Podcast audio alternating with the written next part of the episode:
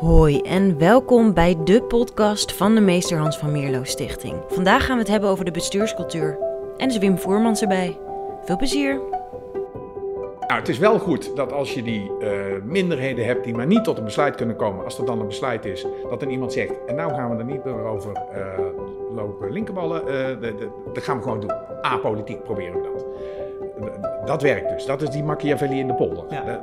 doorzettingsvermogen organiseren. Dat moet je doen. En dan moet je niet de hele tijd politiek houden. Dat snap ik heel goed. Maar je kan het te gek maken. Dualisme, tegenmacht, bestuurscultuur. Het zijn woorden die we het afgelopen half jaar meer dan ooit in het publieke debat hebben gehoord. De regering, zo lijkt het wel, ontglipt steeds makkelijker aan publieke controle. Denk hierbij aan dingen als de toeslagenaffaire, de gebrekkige controle op het handelen van de overheid rondom de coronacrisis. En ja, sinds die beruchte vertrouwenscrisis rondom die vier, die vier woorden, positie omzicht, functie elders, is dit vraagstuk actueler dan ooit. Hebben wij nog wel grip op het handelen van de regering? Waar komt die cultuur, die Nederlandse bestuurscultuur, waar komt die eigenlijk vandaan?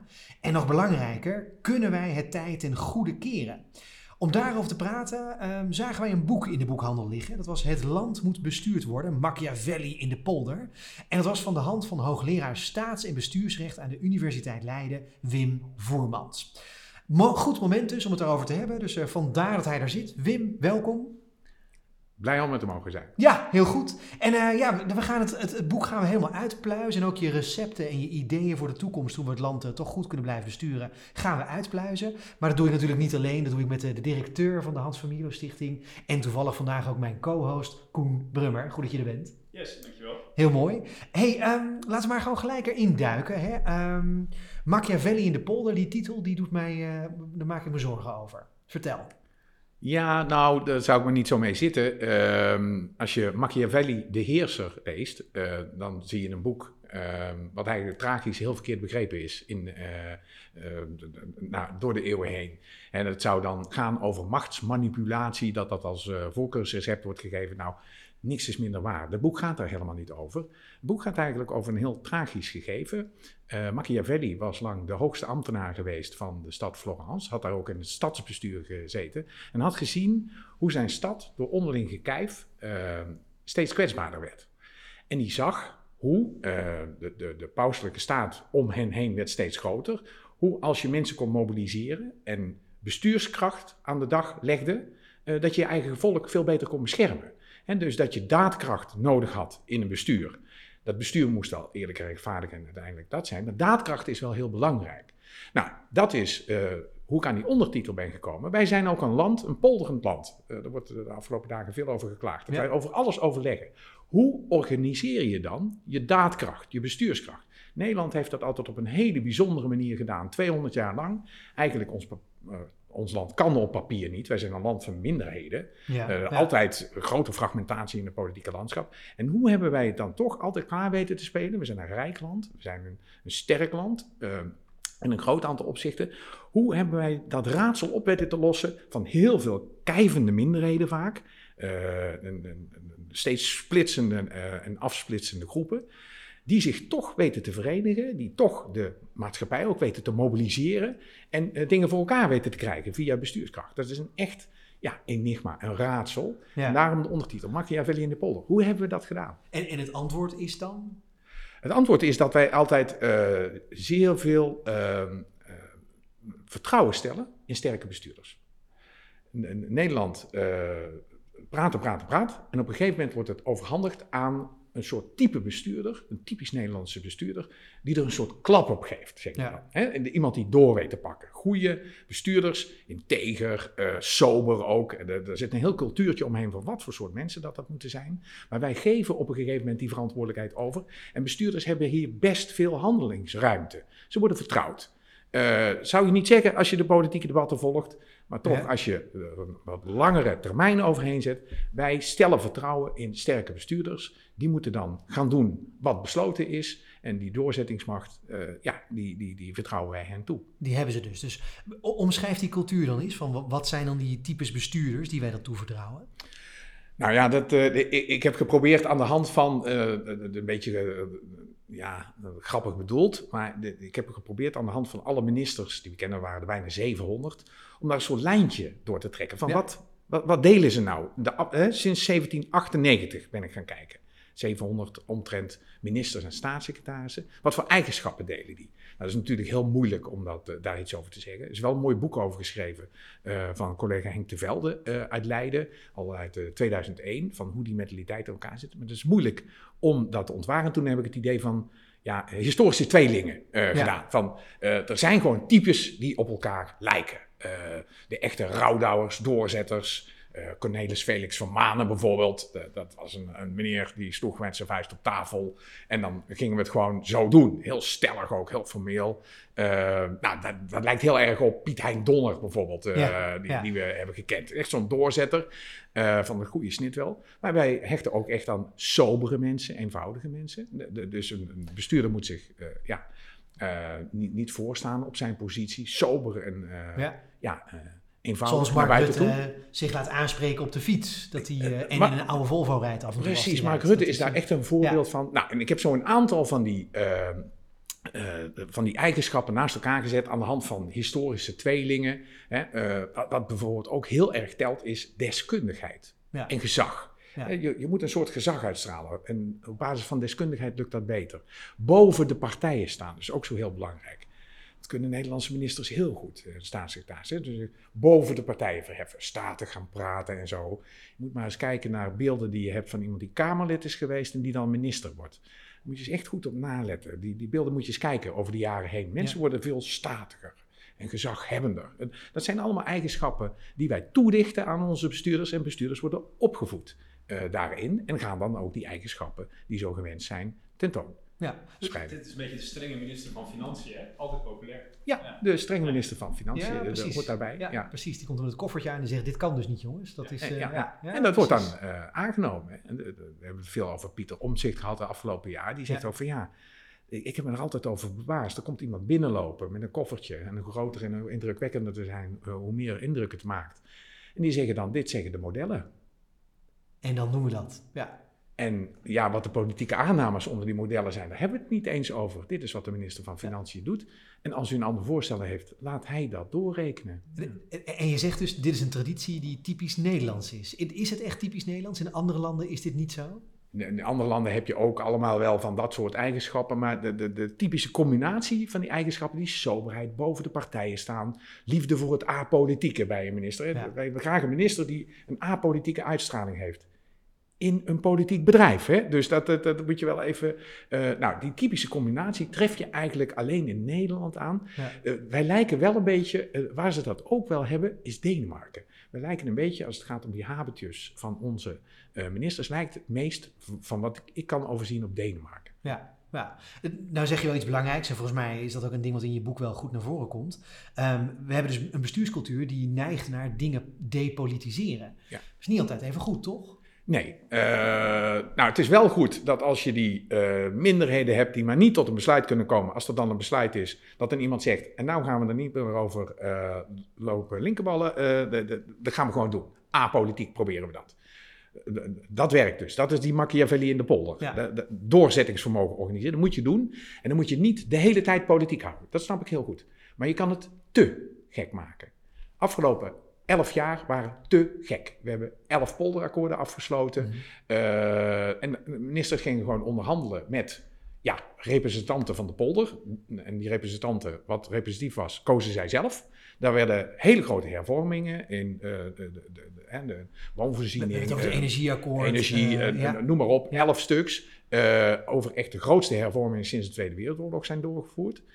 Maar die zijn eerst besproken met maatschappelijke partners van enige soort, die representatief werden geacht. Ja, werkgevers en werknemers zijn natuurlijk wel echt de partners waar we wil spreken.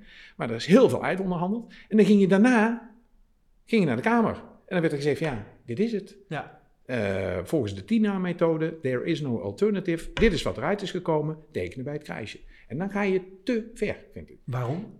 Uh, omdat uh, je moet niet het politieke weghalen uit de politiek de, al die partners waarmee je spreekt, hebben ook een politieke agenda. Die hebben ook belangen.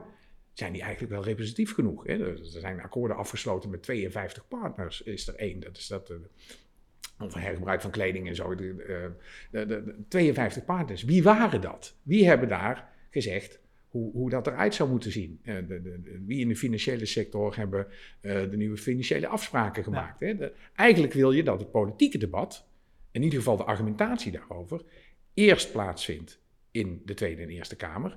En dat je dan gaat polderen. Dat deden we in de jaren negentig onder de Paarse kabinetten. Die hebben ook gepolderd, maar dat ging eerst eh, via de Staten-Generaal. Dan, die kregen een bandbreedte mee, de onderhandelaars. En die, die konden dan gaan onderhandelen met de sociale partners of andere partners. Maar dat is interessant dat je het zegt, want dat heb ik helemaal niet zo op het netvlies. Ik heb de jaren negentig wel geloof ik meegemaakt, maar eh, kijk ook even naar Koen of jij die hebt meegemaakt. Maar ja, geloof ik. Maar ja, ik had niet op het netvlies dat het polderen toen was. Eerst de Kamer aanzet en dan daarna met een bandbreedte gaan praten met de maatschappelijke partners. En dat die werkwijze dus in de jaren tien eigenlijk omgedraaid is. Ja. Waarbij de Kamer dus mag gewoon, mag gewoon tekenen bij het kruisje. Ja. Het, het is bestuurlijk ook heel slim, hè? want als, als je als minister met een bepaald resultaat naar de Kamer gaat en je zegt, hier hebben zoveel maatschappelijke partijen en soms gewoon ook bedrijven en lobbyorganisaties. Hè? Het zijn lang niet altijd, Ja. eh, hè? het is niet dat je naar de burger aan tafel had of zo. Eh, en je komt met zo'n enorm pakket, wat is uitonderhandeld naar de Tweede Kamer. Ja, en dan is het inderdaad het alternatief, tekenen bij het kruisje of gooi het onderhandelingsakkoord maar weg. Ja. Dat heeft natuurlijk ook op die Kamerleden een hele disciplinerende werking. Mhm. Waarmee je Ja. eigenlijk dus als volksvertegenwoordiging met je handen op je rug staat. Ja. Ehm, en, en het lastige is, hè, neem een klimaatakkoord, waar we bij D66 ook heel blij mee. Hè, het doel is heel, heel mooi, want je sluit een akkoord over klimaat. Maar hoe democratisch het is en of de burger er wat over te zeggen heeft, dat is allemaal heel, eh, Ja. heel. Precies, hè, die, die, die akkoorden hebben geen onderwerp gevo- eh, gevormd van de partijprogramma's, eh, bijvoorbeeld van de partijen bij 2017 of in 2012. Dat was niet inzet van eh, een, politieke Ja. debat. Dus je kunt je daar wel eh, vragen bij stellen. Ik ben er op zich niet op tegen, hè, want we moeten wel eh, vaststellen dat in de jaren 2000 tot 2010 alles vast zat. Dus eh, de impasses stapelden op, de politieke impasses, moest wel iets gebeuren. Maar eigenlijk is er voor een methode gekozen die we maar één keer hadden gebruikt. Als je zegt polderen in Nederland, denkt iedereen aan eh, de, Akkoord de van 17e Wassenaar, eeuw ja. eigenlijk Oh, al. hè, van, eh, ja. Of, de, of de 12e eeuw, de polders zijn gemaakt. Het is eigenlijk maar dit soort polderen is maar één keer gebruikt. Dat is het akkoord van Wassenaar in de jaren Ja, eh, precies. 283. Ja. Toen, ehm, ja, eh, toen we geconfronteerd werden met een echt enorme eh, economische crisis. Ik, ik, ik weet het nog, het was een jaar of twee. Er was echt wereldwijd eh, brak er een soort paniek uit. En toen hebben werkgevers en werknemers overgestoken, als het ware. Loonmatiging, daar hadden ze dus ook de de overheid voor nodig. Dat was ook een grote werkgever. Maar dat was eigenlijk een heel beperkt akkoord. Ja. En ook uniek, want die in de jaren negentig, daar was echt eerst de politiek aan zet. En dan mochten er convenanten afgesloten worden Ja, met het precies. bedrijfsleven. Ja. Maar dat was in de andere Ja. volgorde. Maar nu ineens die elf, daarvan denk ik, dat is te. En eh, wat Koen ook zegt, dat is precies het punt. Het, doet iets heel vervelends voor het parlement. Het neemt zelfvertrouwen weg bij het parlement. Ja. Het disciplineert het parlement en je overvleugelt het letterlijk. Dat is ook wat ik op de aflap van het boek zeg. Het parlement wordt onmachtiger en onmachtiger. Ook omdat die polderakkoorden ook nog eens op een hele bedrijfsmatige manier werden uitgevoerd. Hè. Iedereen eh, kent ze wel, de hele grote, de UWV, eh, de hele grote uitvoeringsorganisaties. Dat ook gebeurt steeds technischer. Heeft het grote voordeel dat het professioneel de uitvoering is. Heeft het grote nadeel dat je dat eigenlijk nauwelijks nog kan sturen als politiek. Ja. Misschien moet je dat soms ook niet willen. Hè? Eh, de, de- niet alles is politiek. Eh, sommige dingen zijn gewoon eh, stempelen in de uitvoering eh, als beslissingen. Maar je wil er wel per saldo controle over krijgen. Je, je wil er zicht op hebben. Dat is, Ja. ja. Nou, je raakt nu heel veel verschillende dingen tegelijkertijd aan. Ik denk dus de, de, de akkoorden, daarvan is het probleem dus dat ze niet politiek ge- gecontroleerd zijn in zekere zin. Hè? Dus er er zit geen enkel mandaat zit erachter. Je mag het Mhm. alleen maar tekenen. Eh, wat, je, wat je nu noemt over die uitvoeringsorganisatie, nog een ander probleem. Heb je natuurlijk gezien met de toeslagenaffaire. Ja. Dat als de minister continu maar kan zeggen, ja, dit is, ik heb, we hebben dit bedrijf op afstand gezet. Of het nou inderdaad de Belastingdienst is die een toeslag moet gaan uitvoeren, of het UWV of wat het ook maar. Dus ja, eh, ik weet er eigenlijk net zoveel van als u en eh, dit is een probleem en dat moeten ze daar maar zien op te lossen. Dan kun je dus ook niet politiek kun je ingrijpen. Dus ik, we hebben nu al twee fenomenen in de polder te pakken waarvan je als democraat eigenlijk zou zeggen, mooi, niet zo prettig. Klimaatakkoorden, de akkoorden aan de en ene Ik heb nog wel kant. een derde, ik ben wel benieuwd wat, wat, wat Wim daarvan vindt. Ik was ooit op een, op een, eh, op een bijeenkomst in de Ridderzaal met allemaal mensen die, die aanzienlijk hogere inkomens hebben dan ik en die in smoking eh, zich bij elkaar verzamelden. En toen stond ik met iemand te praten van eh, nou, een van de Big Four, hè, van een van die grote consultancybureaus. Ik zal niet zeggen welke. Eh, ik vroeg, goh, waar ben jij mee bezig? Ja, we zijn het klimaat, die klimaattafels een beetje aan elkaar aan het praten. Dus het is ook nog eens zo dat het niet eens het ministerie is, waar ambtenaren als het goed is in het publiek belang bezig zijn, maar dat daar ook weer gewoon bedrijven worden ingeroepen om dat allemaal een beetje bij elkaar te brengen en over te adviseren. En toen dacht ik ook echt, nou, ik ben soms best cynisch over politiek, maar toen dacht ik zelf ook weer van, oké, het gaat nog weer een stapje verder dan ik eigenlijk al dacht. Uh, Ja. Want het, het is zelfs gewoon een soort consultancy-opdracht op een bepaalde manier om tot, eh, tot zo'n te komen. En zeker in de afgelopen elf jaar heeft dat bedrijfsmatige denken eh, heeft een hoge vlucht genomen. Iemand als Herman Cenk Willink heeft zich al langere tijd tegen eh, verzet. Hè. N- New public management, dat, dat kwam uit het Verenigd Koninkrijk eind jaren 90. Overheid opzetten volgens rationaliteit van dienstverlening die effectief moest zijn tegen lage kosten. Daar, daar, daar kan je best iets eh, van vinden. Eh, en dat, dat was ook niet allemaal eh, verkeerd. Maar als jij de overheid als bedrijf gaat runnen, dat kan niet. Dat, dat is niet gewoon een bedrijf. Dat bedrijf is op zijn minst van al die inwoners die stemgerechtigd zijn. Die mogen, die mogen zich daarover uitlaten. hè. Je kunt niet een overheid in zichzelf organiseren als een soort bedrijventerrein wat ergens met een mandaatje eh, in een hoek van de werkelijkheid gaat staan zonder dat de politieke controle over kan hebben. Dat moet je niet willen. En daar zijn we te ver in opgeschoven. En dat heeft te maken met crisis, heeft te maken met eh, tekorten. Eh, daar, zit, daar zit geen een, een of andere samenzwering achter of zo. Maar daar zijn we te ver doorgeschoten, denk Ja. ik, op een schaal. Eh, en zouden we weer wel terug moeten zien gaan. Even los inderdaad van de vraag van wie- wiens schuld het dan zou zijn of hoe we daarin zijn gekomen. Eh, Misschien nog even de litanie van, eh, van problemen misschien afmaken. Want ja, ik las het boek toch ook wel een beetje als er zijn heel veel dingen die toch niet helemaal, die, die misschien doorschieten inderdaad. Eentje daarvan is inderdaad de akkoorden, regeren per akkoord. De andere is inderdaad organisaties op afstand zetten. Eh, en of dat dan een ZBO gebruiken aan de ene kant of zoals jij dat noemt, met consultants in de arm die akkoorden proberen voor elkaar te krijgen. Wat, wat zijn nog meer van die momenten waarop volgens, volgens jou nu de bestuurscultuur doorgeschoten is en dat er misschien te veel doorzettingsmacht is zonder politieke controle?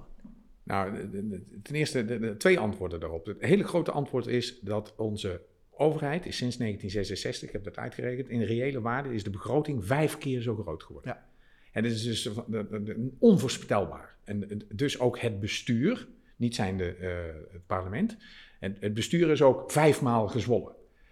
Ehm, als we het hebben over eh machtenscheiding, dan hebben we het over checks and balances. En dat, eh, de- iedereen heeft daar wat mee. Denk aan Montesquieu. Of wij hebben dan checks and balances waarbij overheidsmachten elkaar nodig hebben. Dat veronderstelt een soort gelijkgewicht. Dat, dat je dezelfde Ja. mogelijkheden hebt. Dat je elkaar kan controleren. Ja. En dat, is, dat laat al eh, zien als de bestuur vijf keer gegroeid is. Al die euro's van de begroting gaan door hun vingers. Dat is bij. Het parlement is parlement gebleven. Het budget van het parlement is ongeveer 25% gegroeid in reële waarde. Dat, is gewoon niet te doen. Kamerleden hebben geen kans, om heel eerlijk te zijn, zeker nu met 18 fracties, om effectief de regering te controleren. Dat gaat ook gewoon niet. En dat wordt dan het normaalpatroon, want als die balans verschuift, vindt de regering, of vinden ministers eigenlijk, het ook steeds hinderlijker worden. Want het normaalpatroon is dat zij eigenlijk wel weten wat goed is. Eh, en eh, dan krijg je frames op het, eh, dat gebeurt nu ook, op de Staten-Generaal geplakt, dat ze aan scoringsdrift doen. Als je niet, de Raad van State bestond het vorig jaar in een advies om te zeggen dat eigenlijk de Staten-Generaal coöperatief moet zijn. Ja, Ik zou niet zien in welke wereld, dat dat, welke norm dat dat is, waar dat in de grondwet staat of in ons constitutionele recht. En dat het niet productief is als jij de hele tijd maar eh, loopt te vragen en, eh, om dingen om te scoren. Scoringsdrift. Nou, dus dat wordt de frame op de Staten-Generaal, dat ze eigenlijk ook gewoon, en met name de Tweede Kamer, het maar niet meer moeten doen. Hè? Dus, dus dat Ja. is echt een over, eh, overweldiging eh, van het parlement. En, en daar zou echt iets anders in moeten gaan plaatsvinden. Eh, een lijntje voor een, beter toegerust of een grotere Tweede Kamer. Ja, ik dacht, la- laat ik vandaag ook een cadeautje meebrengen. Eh, en ik, heb, ik heb een klein ja. cadeautje bij in de vorm van een voorstel. Jullie zullen Ja. gezien hebben dat mijn boek Ja. uiteindelijk, ik doe niet aan consultancy. De, eh, mijn vak is eh, bestuderen, analyseren. En als je zou willen weten hoe het moet, dan ga je naar een consultancyfirma of naar een, de- de- de- ik heb geprobeerd daar zo ver mogelijk van weg te blijven. waar zijn er voor staat? Even- Ja, oké. quick, Ja. quick fixes. Ja. Nee, maar dat, dat is een valkuil voor dit boek. Als ik dan zou zeggen, dus daarom heb je referendum nodig. Dat, dat, niet dus. Dat, dat zal je er niet in lezen. Ehm, maar de, wat wel nodig is, is een eh, ons parlement wordt onmachtig. Eh, dan kan je zeggen, gooi je geld tegen een probleem aan. Dat gebeurt een beetje. Het is heel moeilijk voor een parlement om namens zichzelf in zichzelf te investeren. Het idee van zakken vullen eh, is dan heel snel uh, leidt dan. Maar wat, wat vooral het geval is, en ik, ik citeer naar Tom van der Meer en Tom Lauwersen, dat zijn twee jonge politicologen die jullie echt hier eens een keer aan tafel moeten hebben. Tom is al geweest, oké, heel goed. Ehm, ons parlement is veel te klein. Moet gewoon groter. Ja. ja. als je kijkt naar het omvang van de bevolking en als je ons vergelijkt met de rest van de wereld, dan kun je het dus ook doen. Per kop van de bevolking hebben wij veel te weinig kamerzetels. Nou zie ik niet gebeuren dat er ooit een grondwetsherziening, want die zou je nodig hebben, er doorheen komt die zegt maak ons parlement maar twee keer groter. Want er zijn heel veel gevestigde belangen die zeggen van ja, dat, dat gaan we niet doen, want daar hebben we heel veel last van. Hè? Eh, kleine christelijke partijen zouden dat niet fijn vinden. En dan krijg je nooit een grondwetswijziging. Wat ik, wat ik voor zou willen stellen is het volgende. En de Eerste Kamer was mij ook al langer een, een doorn in het oog uh, om een aantal redenen. De functie daarvan is klein geworden.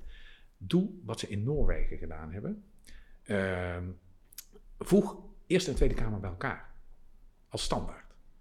Dan heb je een regionale afvaardiging en je hebt een uh, rechtstreeks gekozen afvaardiging. Dan heb je dus ook ineens uh, een volwaardige 225 uh, eh, leden waar je wat mee kan. Dan klopt het weer wel een stuk beter. Ik geloof dat die regel van Tom Lauwers zoals de derde machtswortel van de bevolking... Derde machtswortel, klopt 273 geloof ik ja, zoiets, ja, ja, ja, Tom die heeft het allemaal uitgerekend. Maar dan kom je wel echt wel in die buurt.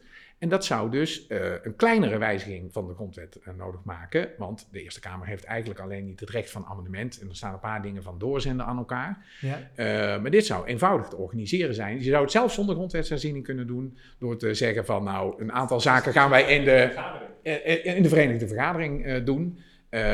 dan blijft nog wel het amenderen een pro probleem. Maar dat zou je kunnen doen. En ik denk dat dat op zich, om daar eens fris over na te denken ja. Zet ze bij elkaar. Het is ook niet zo dat het zonder precedent is. Ga eens in Noorwegen kijken hoe dat bevallen is. Daar hebben ze dat wel eens een soort slimme strategie gedaan. Uh, daar zijn ze best tevreden over daar. Um, en dat zou ook iets voor Nederland kunnen zijn. En dat schiet echt op hè, met het machtiger maken van het parlement. Ja. Uh, want nu kan je ook nog een beetje ja, uh, balletje, balletje spelen tussen Tweede en Eerste Kamer. Het is ook heel gek dat de Kamer met het minste mandaat uh, min, minste populaire mandaten de uiteindelijke zeg heeft. Het is ook vreemd ja. om uit te leggen aan de anderen. En er wordt niet veel misbruik van gemaakt in de Eerste Kamer, maar de, het blijft uh, vreemd op papier. Maar dat zou ik wel echt als een, een soort oplossing hiervoor zien. En verder, eh, de, de oplossing, en, nou ook, het snappen. Gewoon zien wat er gebeurt. Da daarom heb ik mijn boek geschreven. Van jongens, kijk eens, let even op. Er gebeuren nu dingen uh, waarvan we de orde van grootte, als je dag voor dag denkt, niet zo ziet. Veel mensen moeten even in hun arm knijpen dat er elf akkoorden waren eigenlijk. Van, hey, dat was ook zo. Ja. Was ook zo. Ja. Of dat diezelfde Raad van State zegt vorig jaar van ja, Kamervragen, hè, de, die onvolledig, onjuist of uh, niet worden beantwoord. Dat kan eens een keer gebeuren. Uh, dat is eigenlijk helemaal niet veel. Maar niemand bestudeert dat. Ja. Ik heb zonder daar ook maar, maar voor hoeven te komen, 69 uh, gevallen van informatieincidenten gevonden tussen 2000 en 2021. Wat echt heel veel is. Wat, waar heb je dan over gezegd? Informatieincidenten? Wat is? Een informatieincident is uh, als de Kamer onvolledig, onjuist of niet wordt geïnformeerd.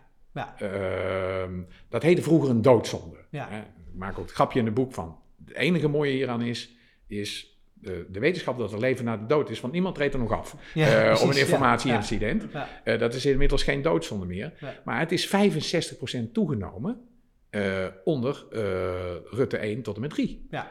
En de, dus wordt het ook een beetje een normaal patroon. En de, de Raad van State zegt van ja, dat zijn maar incidenten. Niemand bekommert er zich ook weer om. En dus de oplossing van het probleem meer, is te snappen wat er aan de hand is. Dat is stap 1. Ja, oké. Dus ik vroeg je net naar, naar twee uh, andere dingen die je zag. En we schoten inderdaad ook al naar een oplossing kijken. Maar eerst was dus in de Tweede Kamer gaat er heel veel mis. De andere kant is inderdaad uh, de informatievoorziening. Daar de regering op, uh, op afrekenen. Wat, wat zijn nog meer van, die, van dat soort uitingen van de bestuurscultuur. waarvan je zegt van dat, dat, daar moeten we echt waakzaam voor zijn? Nou, centraal, en dat punt maak ik ook wel in mijn boek, is um, de openbaarheid van bestuur.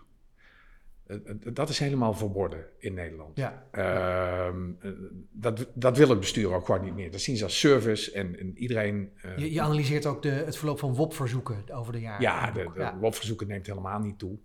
Al bijna twintig jaar niet meer. Ja. Ehm, wat toeneemt is de weerstand, de bestuurlijke weerstand daartegen. Ze hebben er gewoon geen zin meer in. En ze, ze vinden het land moet bestuurd worden, veel bestuurders. Het is al druk genoeg. Dan kan er ook nog mensen zeuren om informatie. Eh, nou, dat, dat, is een weerstandshouding geworden. Ik, ik denk dat je het goed kunt lezen in het boek aan de hand van de cijfers eh, en, de, en de feiten ook. Eh, en dat is heel slecht, want nogmaals, we hebben een veel machtiger bestuur gekregen. Dat was de uitgangspositie. De tegenmacht, daar hebben we het tegenwoordig over, is, die kan je dan beleggen institutioneel bij de Tweede Kamer. En moeten we daar niet meer assistenten hebben? Of moeten we... Nee, de tegenmacht of de controlemacht zijn wij, de burgers, via onze journalisten. Wij moeten ons informeren om onze stem uit te brengen. Dat is in de moderne informatiesamenleving veel belangrijker dan het ooit was. Dus daar, zit, daar kan je het verschil maken. Dat burgers gewoon weten wat er gebeurt. Dat wel heel veel van de, de eh, toeslagenaffaire is aan het licht gebracht via WOP-verzoeken. Ja. Journalisten dus die- journalisten ja, die dat precies. deden. Ja. Anders hadden we het nooit geweten. Dat laat het gewoon zien. Dat, hoe essentieel dat, dat is. Nou, tel dan maar eens in Nederland op. Wij hebben ehm, elk departement ehm, krijgt ongeveer per week in de 50 werkweken twee WOP-verzoeken. Twee. mee. Ja. Die worden in 71% van de gevallen te laat beantwoord. We hebben de langste WOP-termijn van heel Europa. Acht weken. Vier weken en dan twee weken. En dat is, of eh, een één keer verlenging als je een goede reden hebt. Dat is standaard. Dat wordt dus overschreden standaard. A, omdat de informatiehuishouding van de departementen is een chaos. Is een werkelijke chaos. De, eh, ze moeten bij iedereen langs, als er een WOP-verzoek komt, bij elke ambtenaar, om zijn computer te legen, om de mailtjes bij elkaar te kunnen rapen. Nou, dat laat de, de- als je iets van een WOP-regime in andere landen weet, dan, dan schieten de tranen in je ogen dat dat gebeurt in Nederland. Dus 71% is te laat, maar veel te laat. Het recente voorbeeld, de NOS wil weten, om kennelijke redenen, na incidenten die er zijn geweest met inkoop van beschermingsmiddelen eh, in coronatijd. Ik, ik plak er geen naam op, maar iedereen kent zijn naam. Mag best hoor. Ja, Ja, ja, ja. Ehm, die, die willen weten, die, die, die, die, die, die vragen dat dossier op in maart 2020 eh, bij, omdat ze het idee hebben, dit gaat wel heel snel, de NOS vraagt op, mogen wij de WOP, eh, of, of mogen wij die documenten Ja. zien? Eh, dat is gewoon openbare, eh, openbare informatie, dat is niks geheims aan, dat is geen staatsgeheim ook. Ehm, VWS zegt, het eerste wat ze zeggen, en dat is heel kenschetsend, dit valt nou even op het hoofd van eh, VWS, maar dat doen al die andere departementen ook. Het eerste is, het is coronatijd, we kunnen niet, we hebben geen mensen voor. We zijn even bezig, sorry. We zijn Ja. even bezig. Ja. Dat is helemaal geen WOP-weigeringsgrond. Dat valt ook helemaal niet onder de bijzondere toestand. De- Dus ze deden het gewoon. Alle andere departementen begonnen per dan ook direct die argumentatie erin te gooien. Dus allemaal hadden ze geen tijd meer voor WOP-verzoeken, want het was coronatijd. De rechter maakt daar in april een eind aan. Die zegt van nou, we kunnen snappen dat het twee, drie weken niet lukt. Eh, nee, je moet dat wel verzoeken. VWS doet niks. We zijn nu 15 maanden later. Ehm, en eh, minister De Jonge heeft net een, een brief aan de Kamer gestuurd. Die is veroordeeld geworden door de rechtbank Midden-Nederland. Omdat dat WOP-verzoek maar niet werd eh, eh, gebracht. En een hele jeremiade van WWS. We kunnen het niet vinden en het is te druk en we hebben te weinig mensen. En nou, noem maar op. Dus dan zit je al vier keer over de termijn heen ongeveer. Dan krijgt hij van de rechtbank Midden-Holland, krijgt hij, of Midden-Nederland, krijgt hij nog een keer acht weken. Dus de, de normale termijn en de Ja. termijn. Dus ehm, eh, hij klaagt ook nog over de rechter dat hij geen begrip voor hem heeft. Hij krijgt een volledige termijn na 15 maanden nog een keer. eh, om eh, te antwoorden op het WOP-verzoek. Hij heeft nu net een brief aan de Kamer geschreven. waarin hij zegt: Ik heb er eigenlijk geen mensen voor. Dus wij gaan nou mensen aantrekken. Ik heb wel vijf medewerkers apart gezet. Die gaan nou kijken naar dat verzoek. Maar dat kan ik niet binnen acht weken voor elkaar hebben. Wat heel bizar is. Eh, maar we gaan wel naar de Raad van State met die vijf medewerkers om te vragen of de rechter ons nog veel meer tijd wil gunnen. En, hè, dus dat laat zo de weerstandshouding zien. Hij is gewoon niet van plan. Ja. Hij vindt het gewoon echt flauwekul. Eh, en ze hadden dan zo'n strategie waarbij ze dan af en toe een, een, een bundeltje informatie op de stoep zetten. En kijk maar of er iets voor u bij zit. Hè? Dat, dat, maar dat is niet voldoende aan een opverzoek. Maar het is heel ehm, kenschetsend voor eh, de manier waarop we met WOP-verzoeken omgaan. En, en onze overheid heeft dit idee, en dat is dus die, die, die bestuurscultuur. Dat was ook de Rutte-doctrine, hè? Van Ja, maar dat is onze informatie. Precies. En ja. daar hebben we geen pottenkijkers bij nodig. Dit land moet bestuurd worden, dat is al moeilijk genoeg. En dan staan mensen ook nog mee komen neuzen, dan kunnen we helemaal geen kant meer op. Nou, op die manier slaat echt die bestuurscultuur door. Ja. En eh, daar moeten we echt iets aan gaan doen. En we hebben nou een nieuwe wet open overheid. Een van jullie Kamerleden, prachtig. Maar die is nog tandelozer dan de huidige WOP. En daar is voor gezorgd. Dus eh, de- de- de- wij zitten daar echt met een fix probleem. De oplossing die ik zie is een grotere transparantie, meer controle op dat bestuur. Dat is nodig. Mhm. ja. En daar zijn we juist van af aan het raken. Bijvoorbeeld, ja, die WOP is echt een essentieel instrument. Dat burgers, eh, Moet journalisten, gewoon gerespecteerd worden. ja, en Ja. die moeten kunnen zien wat die overheid aan het doen Ja. is en kunnen controleren. Dat is de enige manier om. De, de, het zijn beste brave mensen, onze Ja. bestuurders. Daar eindigt het boek ook mee. Hè. Groot compliment. voor die hardwerkende bestuurders. precies. Ja, ja, Ehm, ja. Maar eh, er zijn ook nog de inwoners van dit land. En dit is een democratie. En die, die, die mogen en moeten bestuurders op hun huid zitten. Ja. Eh, en als je dat weg begint te halen, dan gaat het mis. Koen, jouw democratisch hart breekt, geloof Ja, ik nu. Dat is, eh, totaal. Maar wat ik ook, hè, want ik deel natuurlijk heel erg je analyse, dat het overgrote deel van de bestuurders heeft natuurlijk gewoon goede bedoelingen. En, is niet meteen een soort, eh, een- soort boevenplan, inderdaad. Alleen als je dan iemand als minister De Jonge ziet opereren met eh, rechterlijke uitspraak, noem maar op. Hè, op een gegeven moment kun je ook niet meer zeggen dat het niet je strategie is om informatie voor je te houden. Hè, als er zoveel stappen overheen gaan. ehm, Ja. dat, dat op een gegeven moment gaat het ook iets doen met je, met je mensbeeld, of hoe je naar, naar zo iemand kijkt. En nou, er komt natuurlijk een parlementaire enquête over de, over de corona-aanpak. Hoe, hoe kijk je daarna als, als jurist? Want ik kan me voorstellen dat dit een van die dingen is daarin waar je hele harde noten over geraakt. Ja. Ja, hoe ik daarnaar kijk, een cultuur groeit langzaam. En je groeit ook op in een cultuur. Dus ik, ik wil dit niet op het hoofd van minister De Jonge alleen loslaten. Dit is tegen de achtergrond van een cultuur die we de laatste 30 jaar met elkaar aan het opbouwen zijn geweest. Die cultuur, de, de brief noemt of eh, de, het boek noemt ook de brief van minister Donner in 2010 over de WOP, waarin hij aan de Kamer zegt, we moeten bezuinigen op ambtenaren. De WOP heeft niet meer mijn prioriteit. Dus bij WOP-verzoeken zullen we gewoon eh, zinvol moeten kijken. S- soms is het helemaal niet zinnig om informatie te geven. Dat zegt hij dan ook. Het moet een functie hebben. Allemaal dingen die niet in de WOP staan. En dat heeft gewerkt als een echte dog whistle. Eh, voor, sindsdien zie je ook dat de WOP-houding bij al die departementen verandert. En wat, eh, wat we ook zagen is eh, bijvoorbeeld dat eh, bestuurders in een hele moeilijke periode, als ze in de knel komen. Vorig jaar zijn die eh, notulen van de ministerraad, er was gedoe over. En dit jaar zijn die ja. openbaar gemaakt. Die zijn eigenlijk altijd vertrouwd. Die kan je helemaal niet opvragen onder de WOP. Maar dat hebben ze toch gedaan vanwege de avond van 1 april. Eh, zijn de notulen van de ministerraad openbaar gemaakt. Daar stonden van allerlei begrijpelijke dingen in. Je ziet het menselijke gezicht van de bestuurders van Ja. Rutte 3. Ze zitten helemaal vast in een moeilijke periode. Dan moet er, wordt er ook, eh, ze zien dat de kindertoeslagenaffaire, dat die aan het beginnen is in 2019. Van wow, dit is, dit is verschrikkelijk. En eh, ze worden echt, ja, ehm, eh, eh, echt op de nek gezeten door een paar Kamerleden die maar niet op willen houden. En vraag op vraag, vraag stellen. En dan zie je ook, eh, tegen de achtergrond van die cultuur, je ziet daar twee dingen eh, in de notulen. A, eh, gewoon menselijk chagrijn, eh, heel begrijpelijk. B, je ziet ook dat ehm, ze samen na gaan denken van dit is niet dienstig, op deze manier informatie vragen. Ja. Dat, dat, dat zeggen ze dan. En we moeten iets gaan verzinnen. En die notulen hebben we niet gekregen, maar die staan in een brief van Raymond Knops later. We moeten eigenlijk iets gaan verzinnen waar wij toch zaken kunnen doen en waar nodig we dan Kamervragen gaan beantwoorden. De befaamde Rutte-doctrine. Ja. Dat ze zeggen van nou, wij, wij begrijpen onze grondwettelijke plicht om de Kamer in te lichten dan zo dat je alles kan krijgen, eh, behalve de dingen van intern beraad. Ja, lees alles eh, wat wij bespreken met elkaar. En daar staat natuurlijk haaks op die grondwettelijke informatieplicht. Maar je ziet gewoon dat ze binnen die cultuur dan nog weer een, een aanscherping geven.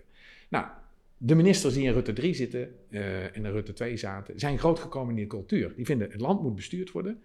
En dan die service dingen, dat doen we naar de hand wel. Vinden we allemaal belangrijk, maar vertrouw ons maar op ja, eh, onze trouwe blauwe ogen. De meeste hebben die daar trouwens, hebben nog nagekeken. Ja. Eh, hè, we, we, we vertrouwen ons daar maar eh, op dat dat goed zit. En wij weten wel wat goed is voor dit land. De- de- ze zijn zelf ook, je gaan geloven in hun eigen Ja. ja, cultuur. En, Ja. en, en dat is het, het vervelende en jammer. En daar heb je een soort schok op het systeem voor nodig. Ja, eh, die er nu eh, is, denk ik. Ja. Dat is, dat, dat is interessant. Ehm, ik vind het wel belangrijk, want wat jij nu ook wel aangeeft, Koen. Ik denk niet dat wij hier op basis van het boek of in het algemeen moeten zeggen dat is de schuld van specifiek Nee. Rutte of specifiek Donner of specifiek wie dan ook. Hè. Het begon natuurlijk al veel langer geleden, dat is eigenlijk wat je zegt.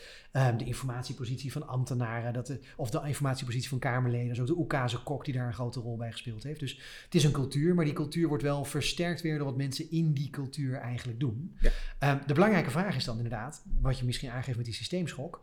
Hoe kunnen wij dan als democraten die cultuur toch een beetje ombuigen? Wat kunnen wij doen om, om toch weer meer openheid, transparantie, om Ja. voor elkaar te krijgen?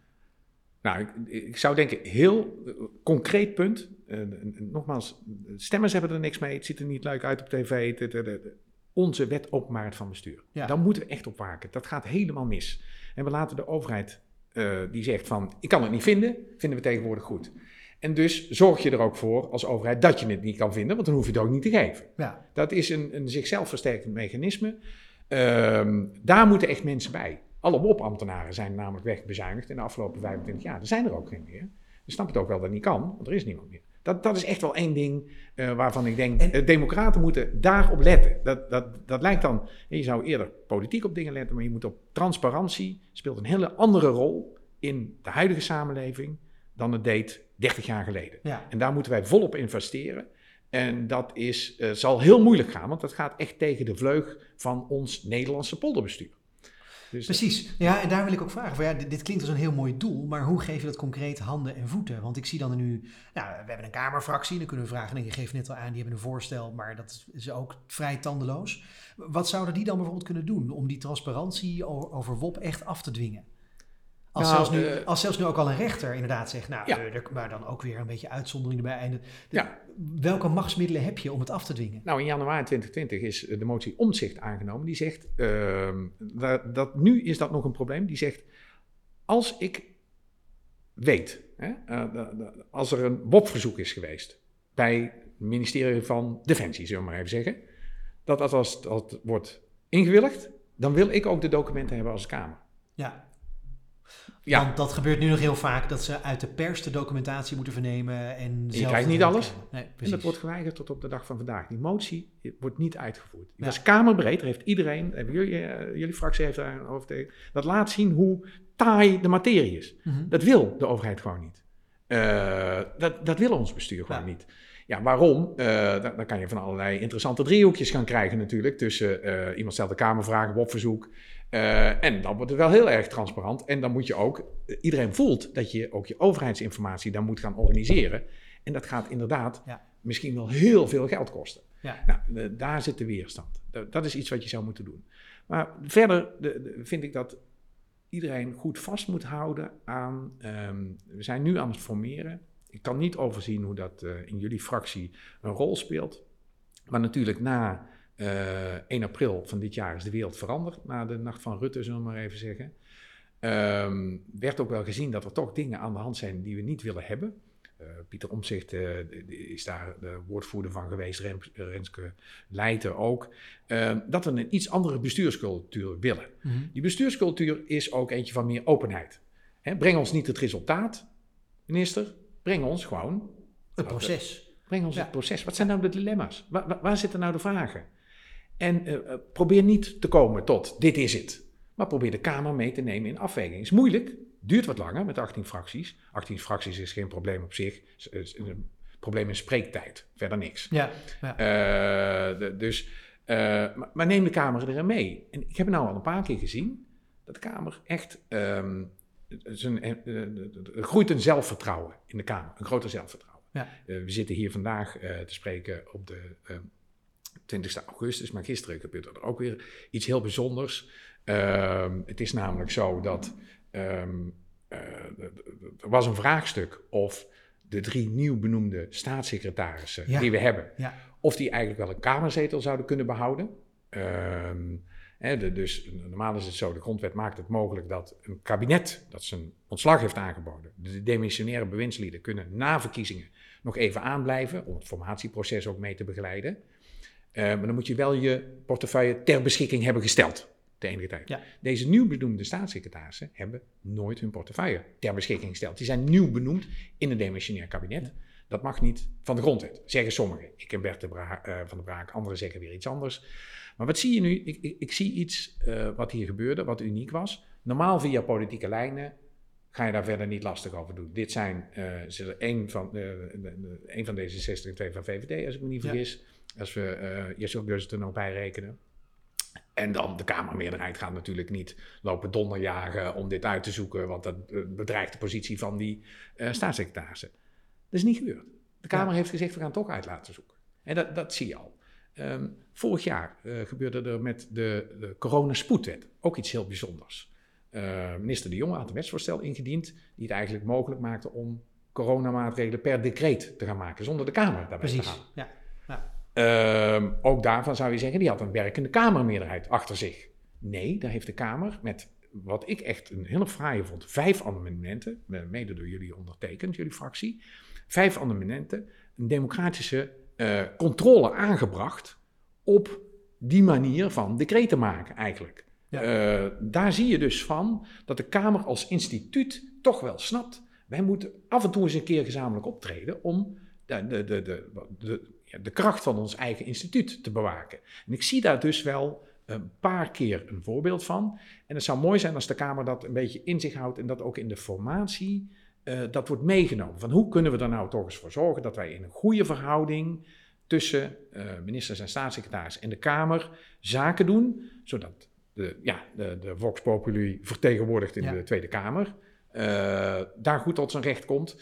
En natuurlijk ook ministers en staatssecretarissen dit land kunnen besturen. Nou, dat nieuwe evenwicht is erg gezocht. We moeten het niet doen, denk ik, volgens dat advies van de Raad van State van vorig jaar in juni. Dat was wel erg op de bestuurlijke kant Mhm, eh, ja. gericht. Ja. En gaf de Tweede Kamer echt eh, de schuld van het niet functioneren van die verhouding. Maar ik zou denken dat ehm degenen die nu aan tafel zitten echt goed gesitueerd zijn om daar oplossingen voor te verzinnen. En dat zit er waarschijnlijk in kleine dingen en vooral in houding. Ja, dus meer vertrouwen eigenlijk bij de Tweede Kamerleden. Als dat gewoon ook pakken eigenlijk, de, de regie pakken zeg je dan. Dat Ja, is, eh, ja, ja, ja. ja, ja. Recente debatten over het eh, terughalen van de Afghaanse tolken en andere, andere mensen die eh Nederlandse troepen geholpen hebben, was ook zo'n voorbeeld. Hè? Dat, Ja. zag je dat het demissionair kabinet had ergens echt geen zin in. Er was heel veel gesteggel over een motie. Eh, je zag toch wel een soort zelfvertrouwen bij die Kamer van wij willen dit nu geregeld hebben Ja. en die motie moet worden uitgevoerd. Ja, Ja. Ehm, Ja. En je hoopt inderdaad dat ook als je weer de normale gang van zaken hebt met een, met een eh, missionair kabinet, eh, dat niet meteen die rijen zich weer sluiten langs partijlijnen, maar dat de Kamer op zichzelf ook, eh, eh, ja, ook die kracht blijft houden. Ja, precies, dat is wat we Ja. doen. Dat, dat brengt ons bijna bij het eindstuk. Maar ik wilde nog één andere vraag stellen. Want wat je nu doet is, ehm, je, je zegt oké, er is een bestuurscultuur aan de ene kant. Dat kun je dus niet wijten aan een persoon. Ehm, en hoe je daar dan iets tegen in kan brengen is ook cultuur eigenlijk. Door de, de houding van een aantal personen te wijzigen.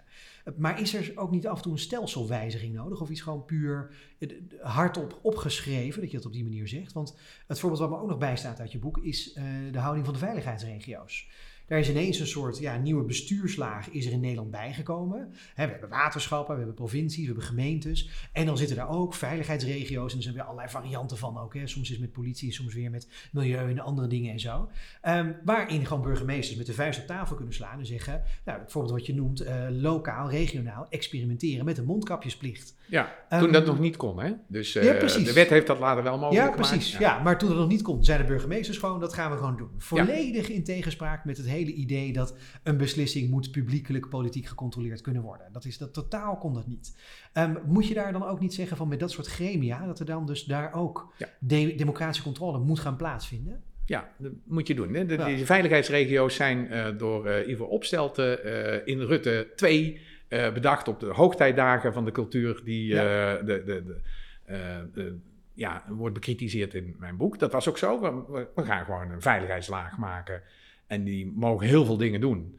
En dat zijn superburgemeesters. Wat was het maar zo dat het gewoon een burgemeester was? Die kan altijd nog eens een keer door zijn gemeenteraad ter verantwoording worden geroepen. Ja. Een voorzitter van een vei- veiligheidsraad, regio, Veiligheidsregio, ja. En het Veiligheidsberaad kan alleen maar door de minister ter verantwoording worden geroepen. En door verder door niemand. Ja. En dus de, de gemeenteraden kunnen dat niet doen. Dan, dan moet hij gewoon een rapportje schrijven. Dit heb ik gedaan. Hoeft zich totaal niet te verantwoorden. En als je klachten hebt, zet de wet op de veiligheidsregio. Stuur ze maar naar de minister. Ja. Eh, en dat is dus een, een, een democratievrije zone, zou ik maar even zeggen. eh, waar deze mensen in opereren. Met eh, ja, ongeveer de grootste bevoegdheden in noodtijden die je je voor kan stellen. Maar ook in normale omstandigheden zijn dat echt eh, belangrijke eh, ja, ambtenaren of ge- gezaghebbers, waar geen enkele politieke controle op mogelijk is. En dat Ja. is onwenselijk. Ja, precies. En maar hoe kun je dat dan wijzigen dat je die wel kunt controleren? Nou, zulke arrangementen niet meer mogelijk maken. Ja. En ze wel verantwoordelijk maken aan een volksvertegenwoordiging van enige soort. Eh, nou, daar kan je allerlei eh, mogelijkheden bij voorstellen. Mijn collega Geert en Boogaard, hoogleraar de, eh, decentralisatierecht in Leiden, heeft daar wat voorstellen voor gedaan. Ja. Het is eh, echt niet zo verschrikkelijk ingewikkeld om ze verantwoordelijk te maken aan volksvertegenwoordigingen. Ja, Ja. ja. ja. Veiligheidsregio's is misschien één voorbeeld. Eh, Intergemeentelijke samenwerking. Ook nog Ja. vast. precies, ja. Ja, eh, nou daar heb je hetzelfde natuurlijk. De gemeenschappelijke regelingen eh, die worden gemaakt. Eh, de gemeenten zijn vaak te klein om eh, allerlei dingen te doen. Denk aan brandweer of eh, eh, ja, de gezondheidsdiensten. Ja. Sociaal domein. Sociaal domein. begrijpelijk dat ze de handen in elkaar slaan, maar als je gewoon de bulk van de uitvoering op een plek gaat zetten waar gemeenteraden, want die, die kunnen dat alleen maar gezamenlijk controleren of de stekker eruit trekken, wat, wat vreselijk duur is. Ja, dat geeft de volksvertegenwoordiging het nakijken. Hè. Je krijgt van die technische eh, bestuursklonten eh, die diensten gaan verlenen. Eh, alle begrip daarvoor, maar als je het te doet, hè, te veel doet, eh, dan gaat het ten koste van de democratie en dat moet je niet willen. Tijd om hem af te ronden. Dank. Ehm, je hebt ons een goed inkijkje gegeven in de huidige bestuurscultuur, waar die vandaan is gekomen en hoe die ontstaan is. Ehm, het is misschien niet de schuld van iemand specifiek, maar we kunnen natuurlijk wel zeggen, nou ja, er, gebeuren dingen die, eh, waar we ons toch wel misschien een beetje zorgen over kunnen maken. Dus dat is eh, heel goed. En, en dank ook voor het cadeautje wat je gaf en de alle andere ideeën. Het was niet alleen maar één idee, maar er zijn volgens mij heel veel andere ideeën die we allemaal kunnen gaan toepassen. Dus eh, ja, wie weet gaan we die bij de fractie ooit een keer terugzien of in ons verkiezingsprogramma. Koen, wat denk jij? Ja, nee, bij deze is het geregeld. Oké, heel goed. Ja. Is hier zo in dit stukje polder even afgesproken. Wij drieën hebben gezegd, dit gaan we zo regelen. Ja. Hey, dat brengt ons bij het eind en de afsluiting. En dat is eh, de, de- eigenlijk wel gerelateerd aan waar we het nu over hebben. De sociaal-liberaal van het moment. Zeker. Koen, Eh, ja, dat is toch Salima Belhaai. toch? Eh, toch. Ik, ik had het er net al even over. Hè. Is het Kamerlid voor D66 dat, dat zich al langer met de kwestie van Afghaanse tolken en andere defensiepersoneel of, eh, of tolken of wat dan ook, heeft, eh, heeft bezig gehouden. Eh, we nemen deze podcast nu op in de week dat, nou, dat, dat, dat we eigenlijk de val van Kabul hebben gezien en de chaos op het vliegveld daar. En ja, toch wel in elk geval het beeld is, is, is, is neergezet dat het kabinet eh, behoorlijk wat steken heeft laten vallen daaromheen. Ehm, Salima Belhaai was voorzitter van het debat waarin de drie verantwoordelijke bewindspersonen daar, zich daarover moesten verantwoorden op het moment dat de evacuaties nog op gang moesten komen uit, eh, uit Kabul. En eh, nou, je zag volgens mij echt in haar optreden iets van, die, van dat zelfvertrouwen wat de Kamer nodig heeft. Namelijk gewoon een, eh, een voorzitter die, die de bewindspersonen aansprak als ze geen antwoord gaven, Ja. als ze niet omheen draaiden. Die heel strak was op de procedures. En die ook nog eens een, een, een, motie indiende. Dus de motie Belhaai eh, CS, hè, met, Ja, ja, precies, ja. natuurlijk. Eh, om, eh, om een soort ruimer begrip te hanteren van wie er recht hebben op, op repatriëring. Eh, dus dat vond ik, ja, daar werd ik vrolijk van. Ja, ja. Ik hoop dat we in de komende kabinetsperiode, regeerperiode, nou, meer van zo, zulke Kamerleden gaan zien. ja. En wat maakt het dan bij uitstek liberaal dan? Wat is, of het sociaal-liberaal? Nou, ik denk dat controle op de machten dus natuurlijk een van de, van de Ja. beginpunten van het liberale denken. En dat vond ik hier heel mooi in, Ja. in terugkomen. Ja, wa- wa- want Wim, hoe heb jij dat debat gezien? Ja, ik heb het eh, de- debat ook gezien. Het was natuurlijk een, op zich een pijnlijk debat. eh, met, met, een aantal dingen die voldongen feiten zijn geworden. Eh, ook natuurlijk, ja, toch even het afrekenen met het verleden. Hadden we niet veel eerder dat al moeten doen. Eh, dat vond ik ook terecht dat de Kamer daarop instigeerde. Er er waren wat onttrekkende bewegingen van we doen nu zo onze best. Maar ja, had je in het verleden je best niet beter Ja. moeten doen. Ja. Ehm, was nog even die cliffhanger natuurlijk ook. Dat, ehm, dat vind ik dan ook altijd wel moeilijk. Eh, je hebt die commissievergadering waar dat allemaal rondgaat. En er zitten de drie bewindslieden. En dan komt iemand later, een van de bewindslieden, nog uit het torentje lopen. Die zegt: Ja, nee, we gaan echt niet zomaar iedereen binnenlaten. Dus dat, dat, dat- dan denk ik ook van: Dit is niet de plek. Ja. Eh, wat je verder ook van vindt. eh, dat is een VVD-staatssecretaris natuurlijk die dat zegt. Eh, dat is een VVD-standpunt. Het geeft ook helemaal niks. Maar het was wel goed geweest als zij daar en dan dat met de commissie had gedeeld. Precies. Eh Ja. Van jongens, eh, luister, eh, wat u hier wil, kunnen wij een gedeelte niet van leveren. Gaan we ook niet doen. Het is mijn partij, ze- ze zeggen het er dan maar gewoon bij. Maar dan ga je niet daarna aan de pers. je gooit niet de deur in de slot bij de pers. Ja. Dat doe je daar en dan. Dat, dat lijkt me ook horen bij die cultuur. hoe je met de Kamer om moet gaan. Ik vind wel dat Rutte dat altijd keurig doet. Die zegt van nee, dit ga ik eerst met de Kamer bespreken. En Ja. dan ook geen woord eh, erover. Dat is de manier. Ehm, en die, die Morris werd gisteren even vergeten onder eh, de grote druk. Ja. Maar ik vond inderdaad ook wel wat Koen zegt. Het, het, het, het gaf wel iets van dat, ja, de nieuwe assertiviteit van de Kamer zag je er wel in. Eh, maar de, wat ik ook wel ja, moeilijk vond. Je kan daar een makkelijk debat van maken door te zeggen van nou, het ligt aan nu, het ligt aan nu, het ligt aan nu. Dat er ook wel een gedeeld gevoel van ja, eh, eh, grote radeloosheid was. Van ja, wat overkomt ons nu? Ja, Eh, precies. dat, vond ik eigenlijk dan ook weer wel aardig. ontreddering eigenlijk. Ja, inderdaad. ja. eh, er wordt niet geschreeuwd of wat dan ook. Ja. Iemand zegt heel duidelijk, de katapiri, van dat had je eerder moeten doen. Daar houdt het dan ook wel bij op. Ja. Ehm, Ja, ja, Komt. ook bij. Ja. eh, in Amerika heb je nu hetzelfde debat. Hè. Hebben we ons mensen, die, Ja, ja. eh, Afghaanse mensen die aan onze kant eh, hielpen, hebben we die wel op tijd eh, weggehaald? Ja. Het antwoord is daar ook nee. Dus, dus dit is in die zin wel een overval van meerdere landen. En Ja, precies. Ja, Ja. precies. Dat maakt het vreselijk natuurlijk inderdaad. Maar conclusie is dus, hè, je zegt Salima Bahar, sociaal-liberaal van het moment. Omdat ze dus als Kamerlid, en dat raakt dus heel erg aan de discussie van net ook, als Kamerlid, als commissievoorzitter, niet zomaar de bestuurlijke macht er van, mee vandoor liet gaan door te zeggen, ik weet het nu even niet, met vage antwoorden, maar gewoon, u moet nu antwoord geven op die vraag. Ja. Helder. Dankjewel. Koen Brummer, dankjewel. En natuurlijk ook eh, Wim Voermans. Hartelijk dank. En eh, nogmaals, de titel van het boek Het land moet bestuurd worden. Machiavelli in de polder. Hartelijk dank.